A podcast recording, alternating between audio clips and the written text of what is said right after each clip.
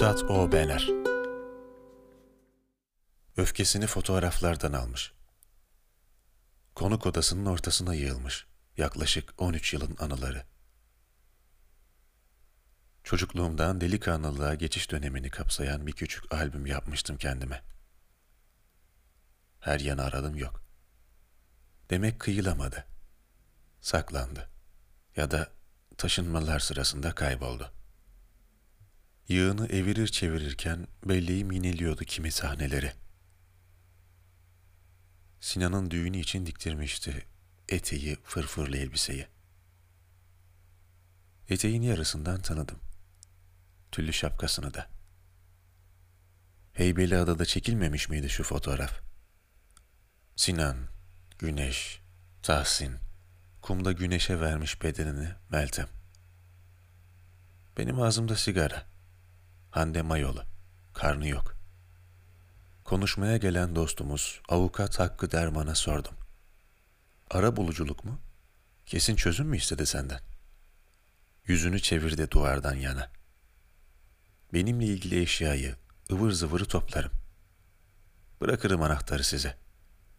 Umarım bu ikinci yasal girişiminden caymaz. Ne beni ne kendini duygu tuzağına düşürür. Kitaplardan başlamalı. İlk iç sayfalarda genellikle ikimize sunulan yapıtları nasıl bölüştürebilirim? Ortasından koparmalı. Sinirli gülücük gırtlağıma tıkıldı sanki. Bir pis hıçkırık nöbeti. Şöyle eni konu böğürerek ağlayabilsem. Lavaboya koştum. Soğuk su açtı düğümü. Hafifledim biraz. Duvardaki çerçeveli fotoğrafta gülümsüyorduk üçümüz. Sinan, ben, ortamızda o. Birkaç parçaya ayırmakla yetinmemiş.